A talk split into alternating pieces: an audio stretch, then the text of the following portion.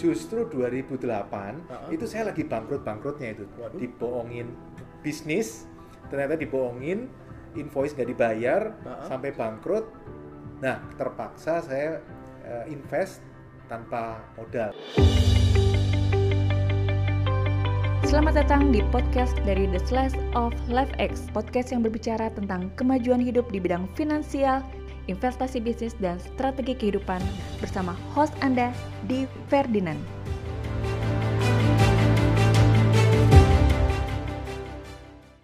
Hari ini saya ditemani oleh seorang pakar pasif income property yaitu Pak Pipo Argianto. Selamat datang Pak di Thank acara you, kita, thank Pak. you, thank you. Apa kabar teman-teman? Ya luar biasa nih Pak. Aduh ini saya nunggu-nunggu sesi ini karena Pak Pipo tuh banyak ngajarin tentang passive income nih Pak. Yang bikin harapan saya setelah baca buku Rich Dad Poor Dad itu jadi nyata nih Pak. iya, saya dulu kan terinspirasi passive income dari tahun 2001 waktu baca buku Rich Dad Poor Dad. Oke. Wah, ternyata enak sekali ya kalau bisa punya passive income. Makanya saya terus mencari-cari passive income dan Oh. akhirnya ketemu. Makanya sekarang saya senang kalau bisa sharing ke teman-teman eh, semuanya tentang passive Oke. income. Nah Pak, kita mau ngobrol pertama kali eh, punya passive income tuh bentuknya properti apa Pak? Yang pertama waktu itu saya kan baca tahun 2001 buku Rich Dad Hmm. Poor Dad. Nah, waktu itu saya kepikir kalau di buku itu kan ditulis rumah sewa. Cari rumah sewa yang income-nya lebih besar dari angsuran. Oh rumah sewa yang Ternyata saya cari-cari di Indonesia nggak ada. baru nggak ada ya Pak ya? Jadi buku itu eh, bukannya nggak ada ya, mungkin saya nggak ketemu, mungkin ada ya orang lain yang bisa bagus lah. Oke. Tapi saya nggak ketemu, saya udah cari-cari rumah yang disewakan tapi income-nya bisa lebih gede dari angsuran, saya nggak ketemu. Dan itu nyarinya online atau nyarinya Oh, zaman masih- tahun 2001 itu masih dari koran, Wah, masih koran, iklan-iklan koran ya, Pak, koran. Ya. iklan baris tuh ya salah Iklan satunya, baris satu-satu, pos kota dicari, kemudian kompas, kemudian saya potongin, nggak ketemu. Baru 2005 saya kepikir mungkin kalau rumah sewa nggak bisa, mungkin kos-kosan atau kontrakan bisa. Oh, itu ide karena dengar dari temen atau gimana? Pak? Nggak, kepikiran sendiri, mungkin Ilham coba ya. kos-kosan kali ya. Coba kos-kosan ya. Wah, waktu itu kan saya masih belajar sendiri otodidak, nah, Mhm. dan itu ternyata prosesnya lama. Perlu tujuh tahun sampai 2001 baca, 2008 saya baru dapat kos yang pertama. Berarti itu produk passive income pertama, Pak. Iya. Dapat properti, dapat lahannya juga, dapat Iya. gedungnya, Iya, jadi kos-kosan gitu Iya, ya, itu Pak? di Jalan dan Mogot, Tangerang. Oh. Eh, sampai sekarang masih ada. Hmm. Oh, ceritanya udah panjang sekali dari tahun 2008 sampai hari ini. Dari dulu cuma 900 juta, sekarang sudah 5,8 miliar Wow. dan menghasilkan passive income yang cukup besar. Nah, makanya itu enak bener. Berarti itu capital gainnya sekarang udah 5,8 Pak. Hmm. Kalau misalnya dijual ya. Mm-mm. Tapi ada yang ngomong ke saya, Pak 5,8 kan appraisal Pak, sekarang mungkin nggak sampai segitu. Nggak apa-apa, nggak apa-apa. Yang penting menghasilkan passive income bagi saya. Sebenarnya karena saya tidak ada plan untuk jual juga. Jadi Ah, berarti Bapak bukan flipping properti ya, Pak ya? bukan. Oke. Kalau saya- prinsip saya kan properti itu harus seperti angsa yang bertelur emas. Hmm. Ya, jangan sampai angsanya dipotong, Potong. dagingnya dimakan, kemudian nggak bisa bertelur emas lagi. Iya. Mendingan kita makan telurnya. Jadi lebih aman. Makanya saya termasuk tidak suka jual properti. Nah, ini pasti banyak pertanyaan dari teman-teman milenial juga nih, Pak. Bapak waktu mulai udah punya duit belum, Pak? Atau banyak banget duitnya sehingga bisa beli properti 900 juta, Pak? Justru 2008 Uh-uh. itu saya lagi bangkrut-bangkrutnya itu. Waduh. Dibohongin bisnis, ternyata dibohongin, invoice nggak dibayar Uh-uh. sampai bangkrut. Nah, terpaksa saya eh, invest tanpa modal. Modalnya kecil sekali, hampir nol. Hampir nol ya, Pak? Dan ternyata bisa. Nah, makanya kalau sekarang sempat ada yang sempat tanya saya, "Pak, saya susah nih invest, nggak punya modal." Sama, tahun 2008 saya juga nggak punya modal dan ternyata bisa. Dan ternyata masih bisa sampai sekarang, Pak? Bisa Masih sampai ya? sekarang. Cuman kalau sekarang gaya permainannya beda. Kalau Beda. sekarang karena cash flow sudah lebih baik dari tahun 2008, Oh. mau pakai modal, nggak pakai modal, ayo aja lah. Eh, yang penting simple, cepet, gampang. Tapi kalau 2008 karena nggak punya duit, nggak punya income, ya cari yang DP-nya nol, angsurannya ketutup dari income propertinya. Prinsipnya kan sebenarnya gampang. Ini ngomongnya panjang lebar ya, Ya, saya jelasin. apa-apa, nggak apa-apa. Justru saya lagi belajar juga nih, Pak, biar teman-teman juga dengerin nih. sebenarnya yang saya lakukan itu kan intinya satu cari properti yang income-nya lebih besar dari angsuran Properti yang income-nya lebih besar dari angsuran. Jadi Ya. kita nggak bayar angsuran ya, Pak? Ya? Betul, Boleh bilang nol, kita masih dapat margin ya, Pak? Ya? Betul. Dikit ya. ya satu rupiah pun juga nggak apa-apa lah yang penting nggak bayar angsuran Oh. nah kedua cari eh, income yang income-nya yang income-nya bisa dihasilkan dengan pasif Jadi bukan berarti kita harus buka toko di sana. Hmm, bukan jagain ya, Pak. ya? Bukan, tapi misalnya disewakan, kos-kosan atau kalau saya paling suka minimarket, Indomaret saya pakai. Oke. Jadi karena yang ngelola franchisor bukan saya, Hmm. jadi saya nggak usah ngapa-ngapain, eh, toko bisa jalan terus. Nah itu prinsip yang kedua. Prinsip yang ketiga tadi kan sudah yang menghasilkan pasif income, kemudian pasif income-nya lebih besar dari angsuran. Hmm. Nah yang ketiga prinsip saya DP-nya nol. DP-nya nol. Kalau DP-nya nol, tiga-tiga ini terpenuhi, kan sebenarnya siapa aja bisa, teman-teman bisa, Pak Di juga bisa, saya juga bisa, semua orang juga bisa. Nah ini orang pasti nanya nih Pak, beneran nggak sih Pak ada memang produk di pasaran yang memang DP-nya nol dan punya tiga persyaratan itu? Sangat mungkin Pak. mungkin pasti tidak setiap hari dapat. Jangan berharap teman-teman bermimpi Bukan dapat yang properti biasa, buka ya. ya lihat properti iklan properti terus dapat dapat dapat dapat enggak, saya tidak Hmm. menjanjikan seperti itu. Tapi mungkin dari 100 properti yang dilihat, 10 yang ditawar, mungkin tiga yang jadi, eh, mungkin yang tiga yang masuk bank akhirnya satu yang jadi, alias butuh ketelatenan. Tapi bisa, itu itu bisa, itu hanya masalah waktu dan telaten-telatenan aja. Nah kebetulan saya memang ikutan workshopnya Pak Pipo dari preview luar biasa Pak Pipo ini konsisten sekali nih mengajarkan orang tentang passive income lewat media franchise Indomaret ya Pak iya. ya. Nah, 2008 kan tadi ngomongin cost tuh. Betul. Ternyata ngurusin cost tidak pasif loh. Ternyata ngurusin cost itu Ribet susah ya. Pak, ya? Ribet. Ada yang ngakunya sudah bayar sudah bayar bulanan padahal belum bayar. Waduh. Ada yang motornya kecurian, marah-marah mau nuntut. Mau nge- nuntut saya. Ada yang bajunya ketuker sama sebelahnya ribut berantem. Saya sampai dipanggil. Jam 6 pagi pompanya mati, saya harus ke Harus sana. ya Pak ya. Iya. Karena macet Hmm, senewonnya Pak ya. Gimana ya? Ternyata ribet, tapi nggak apa-apa. Tetap bagus, tetap bagus daripada nggak punya properti. Lebih bagus, lebih baik tetap punya properti ribet sedikit nggak apa-apa lah. Tapi terus 2009 saya ketemu Hmm. minimarket Indomaret. Nah itu tuh, saya ketemu ternyata dia nggak ribet. Oke. Makanya saya dari 2009 terus sampai sekarang saya masih bangun terus sampai hari ini juga saya masih bangun minimarket. Ini sekarang akhir tahun saya masih harus selesaiin ada 5 minimarket Wow. yang di pipeline saya. Jadi lumayan eh, fokus juga. Eh, ternyata bagus dari 2009 terus saya nambah-nambah-nambah terus sampai sekarang dan itu jadi salah satu favorit saya. Saya punya toko yang ada di ini sekarang kan tinggalnya di Hmm, Jakarta hmm, nih. hmm. Tapi saya juga punya toko di Medan. Ada toko Oh. yang di Jawa Timur, Oke. ada yang di Jawa Tengah. Itu ngunjungin satu-satu nggak tuh Pak? Bapak eh, apa inspeksi ngeliatin timnya dan lain-lain pergi nggak sih? Pak? Enggak, enggak, Enggak ya? enggak. Bahkan saya punya toko di Medan.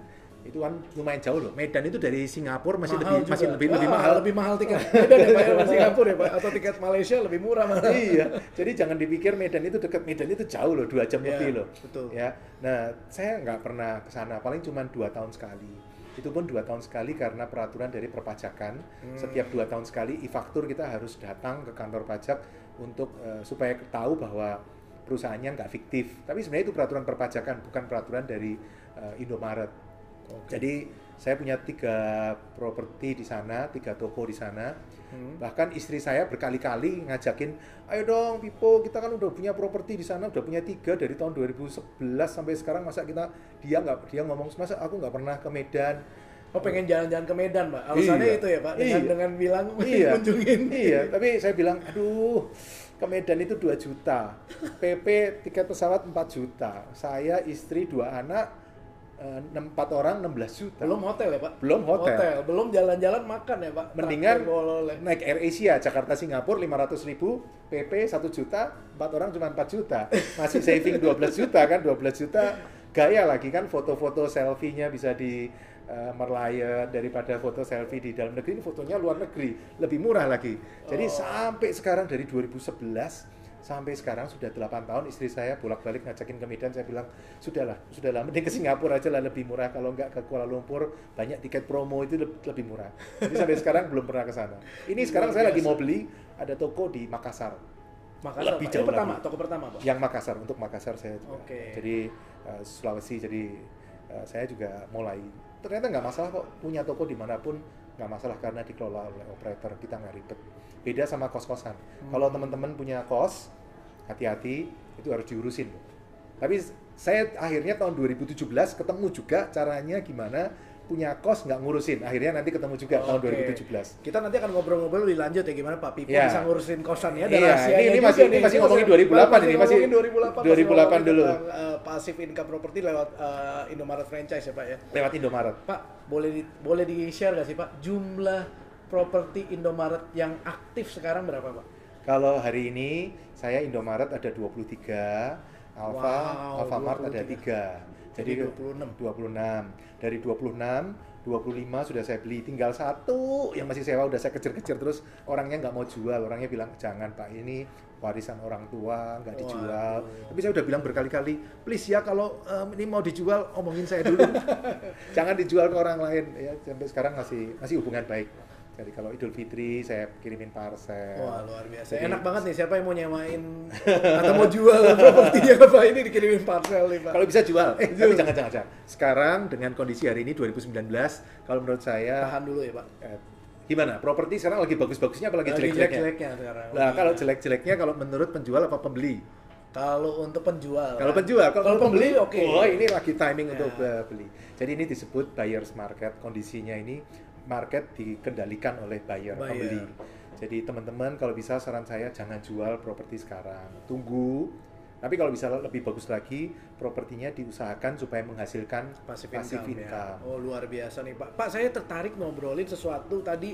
Bapak masih bilang Medan punya passive income segitu banyak masih bilang mahal Pak.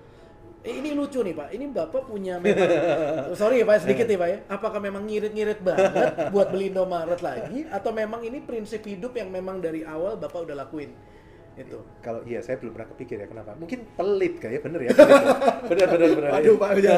pelit sama irit kan bedanya tipis. ya. Tipis ya, kalau saya lihat sih eh, kalau memang bisa diirit ya diirit lah. Diirit tapi, ya, Pak, ya. Tapi kalau nggak bisa diirit ya bayar-bayar lah. Kalau Kita- menurut saya Bapak mungkin idolanya salah satu Warren Buffett ya Pak. Warren Buffett mau bilang nggak usah keren-keren, Iya. tapi tetap irit ya Pak. Iya, tapi Warren tetap Buffett- jadi uang yang terbesar ya. Eh, Jadi Warren dia- Buffett kan kalau pagi sarapan cuma 3 dolar tiga dolar tujuh belasan katanya.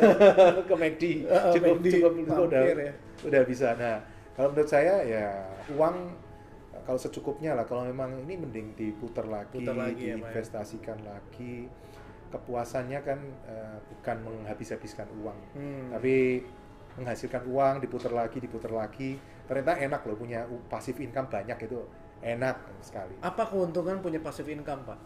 passive income itu enaknya terasanya waktu Idul Fitri. Kalau Idul Fitri, saya orang lain masih kerja, harus masuk, harus eh, Ngejar setoran ya Pak, kejar beresin semangat restoran, gitu ya. yang punya rumah makan mungkin harus kejar restoran, yang punya laundry harus kejar restoran.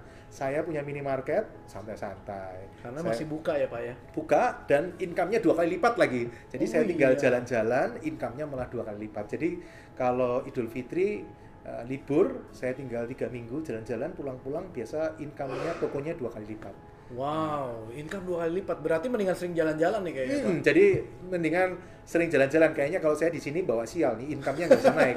jadi begitu saya keluar negeri malah income-nya Income-nya double, tapi harusnya di Idul Fitri. Kalau kayak di Natal dan dan tahun baru itu naik sedikit tapi tidak setajam ya, ya, tidak eh, lumayan sih 20 30 persen Wow, lumayan. lumayan banget ya. tapi kalah lah sama Idul Fitri kalah lah. Idul Fitri itu bisa dua kali lipat Hmm. terutama toko-toko yang di Jawa Tengah Jawa Timur Jawa Barat yang di daerah orang-orang mudik itu bisa dua kali lipat profitnya. Toko-toko yang biasanya 25 juta bisa jadi 50 juta sebulan bulan itu. Yang toko yang biasanya 70 juta bisa jadi 140 Nah, 150 tadi Bapak bilang 25 juta, 50 juta, 70 juta itu penjualannya tiap bulan atau itu udah profit, Pak? Bapak terima? itu net profit. Jadi net profit uang yang diterima. Toko-toko saya beda-beda. Hmm. tidak semua toko saya bagus. Ya. Toko saya ada yang profitnya cuma 3 juta sebulan ada. Oke. tapi yang paling top 70 juta sebulan ada juga. Itu sudah bayar karyawan sudah bayar listrik. Itu di luar waktu lebaran ya, Pak ya? ya ini average. Average ya, tahun oke. average 12 bulan sudah bayar karyawan. Yang paling mahal karyawan. Hmm. kedua listrik. Ketiga pembungkus barang plastik. Oh, keempat itu barang rusak barang hilang. Hmm. eh, yang terus biaya lain-lain nah itu sudah bayar kira bayar royalti juga kira-kira income-nya ada yang 70 sampai 3 juta beda-beda tapi secara average itu sekitar 25 sampai 26 juta sebulan 5 sampai 26 juta. Per Wah, toko. lumayan banget ya, Pak ya? Sangat lah. asik banget ya. Iya, Nah itu dikali tuh berapa tadi? 25 kali 26. Nah Iya. hitung-hitungan matematikanya harus tahu tuh. makanya sekarang saya beda. Kalau dulu berdoa panjang, minta ini, minta itu. Kalau sekarang udah berdoanya cuma, ah terima kasih dah udah Betul, sampai level segini mah. Menurut saya sudah Makanya ngerti kan kenapa Pak- Pipo jadi mentor saya. Saya kenapa pengen belajar sama Pak Pipo dan sudah belajar. gitu. Tinggal lagi on the way there punya passive income beberapa. semua bisa kok. Di menurut Amin, saya amin. semua bisa hanya mungkin uh, Waktunya ya, Pak, ya, perlu sama waktu, giatnya. ya telaten, punya passion di sana uh, sampai lah pasti bisa sampai. Berarti istri makin sayang loh Pak di rumah Pak. Uh, istri sekarang tambah sayang, soalnya KPR-nya tambah banyak. kalau dulu, kalau nggak punya KPR gitu kan, istri masak itu cuma bebas. Saya mau makan di warteg boleh, mau makan di mana boleh. Kalau sekarang KPR-nya kan banyak nih, utangnya banyak. Wah istri ngomong, wih jangan makan di luar, jangan makan di luar. Kotor, makan di luar kotor. Udah mending makan di rumah, nanti saya masakin. Kalau sakit, uh dikasih obat, suplemen, kasih ke dokter. Terus saya tanya, uh sekarang kok aku KPR-nya tambah banyak, kamu malah tambah sayang sama sama aku sih. Terus istri saya bilang, iya KPR-mu masih banyak, utangnya masih banyak. Jangan ada apa-apa dulu nih kamu, kalau ada apa-apa saya yang repot nih. Jadi untuk untuk cowok-cowok yang merasa istrinya kurang kurang sayang, Heeh. Ambil KPR yang banyak, oh, nanti pasti tambah sayang nanti istrinya. Asal ngerti cara bayarnya ya hati-hati ini harus didengerin. Jangan nanti Oh iya iya. iya.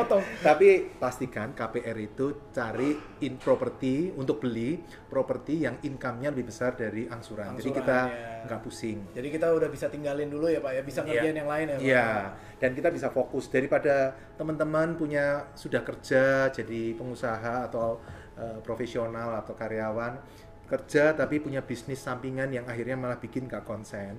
Hmm. Kalau menurut saya mendingan cari bisnis yang passive income seperti saya minimarket. Ya. Minimarket nggak repot. Saya punya bisnis di kantor Repot ya Pak ya. itu memang harus Senin sampai Jumat saya konsentrasi penuh. Hmm. Berarti Tapi- masih punya bisnis Pak nih ya? Masih, masih. Oke. Karena sebenarnya tahun 2016 saya mau pensiun. Waktu itu kan saya pikir oh sudah punya passive income lumayan lah ya.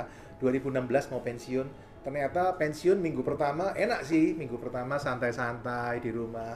Minggu kedua bosen juga ternyata ya kalau di rumah ya. Nggak bisa, nggak bisa. Jadi sejak 2016 saya pikir bisnis tetap jalan, tapi passive income Nah ini ini menurut saya merubah banyak mitos pak, di mana orang bilang oh saya mau pensiun udah santai-santai udah punya banyak uang malah kalau kita lihat juga Warren Buffett 89 tahun pak Iya. masih aktif. Nggak bisa. Nah, bayangin anda anda kalau udah mengerti cara mengelola saya yakin bahwa anda akan jadi produktif ya pak ya. Iya, tahun 2016 sampai 2016 Hah? itu saya masih berpikir seperti itu bahwa Oke. kalau pasif income-nya banyak kita pensiun aja.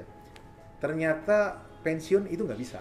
Hmm. Jadi kerja itu sekarang bukan masalah uang, tapi masalah aktualisasi diri. Saya seneng kok dengan pekerjaan saya seneng Oke. ketemu bisa ketemu Ferdinand, ketemu orang-orang, ketemu klien. Ya kadang stres-stres network ya, sedikit, ya? iya. Ah. Kadang ya stres-stres sedikit, iya. Bahkan saya ngelihat juga orang-orang sukses kan masih kerja juga, Iya, jadi betul. itu memacu kita lebih semangat. Oke pak, pasti banyak yang nanya gini pak, tapi saya pernah buka Indomaret nih. Tapi kok rugi ya pak? Malah mereka mungkin ngeliatin ke Indomaretnya bukan propertinya ya pak ya? Nah, ya, jadi sebenarnya kalau teman-teman lihat itu benar yang dia omongin di. Jadi yang saya lakukan sebenarnya saya bukan pengusaha minimarket di. Oke, berarti jangan lihat Indomaretnya ya Pak ya, Iya. bukan lihat minimarketnya, tapi Saya lihat melihat- propertinya. Iya, saya melihat Indomaret ini sebagai alat investasi, Hmm. instrumen investasi. Ujung-ujungnya saya tuh pengen properti. Kan tadi prinsipnya gampang di. Bagaimana caranya beli properti. Hmm, Tapi karena saya nggak punya uang, saya pinjem bank nih. ya, Nah, tapi kalau pinjem bank ada angsurannya. ya, Yang bayar mana? Ya propertinya dengan kalau properti disewain tanah mungkin nggak akan bisa nutup ya, angsuran. betul. Kalau tanah. Tapi kalau dikasih kos, kasih minimarket, nah baru bisa nutup angsuran. Hmm, Tinggal satu lagi cari eh, yang ilmunya DP 0 ketika bisa digabung jadi satu tanpa DP, nggak ngangsur, yang ngerj- eh, mengelola orang lain. orang lain. Nah Kurang itu apa tiga ya, syarat itu terpenuhi, wah itu enak. lah. Oke, teman-teman kita akan eh, berhenti dulu di sini karena kita akan punya episode berikutnya. Kita ngobrol tentang yang tadi Pak Pipo menemukan rahasia di kos-kosan gimana bisa di apa sebutnya automate ya Pak ya? Iya, Di automate. kos harian autopilot. Autopilot. Oke, saya. terima kasih teman.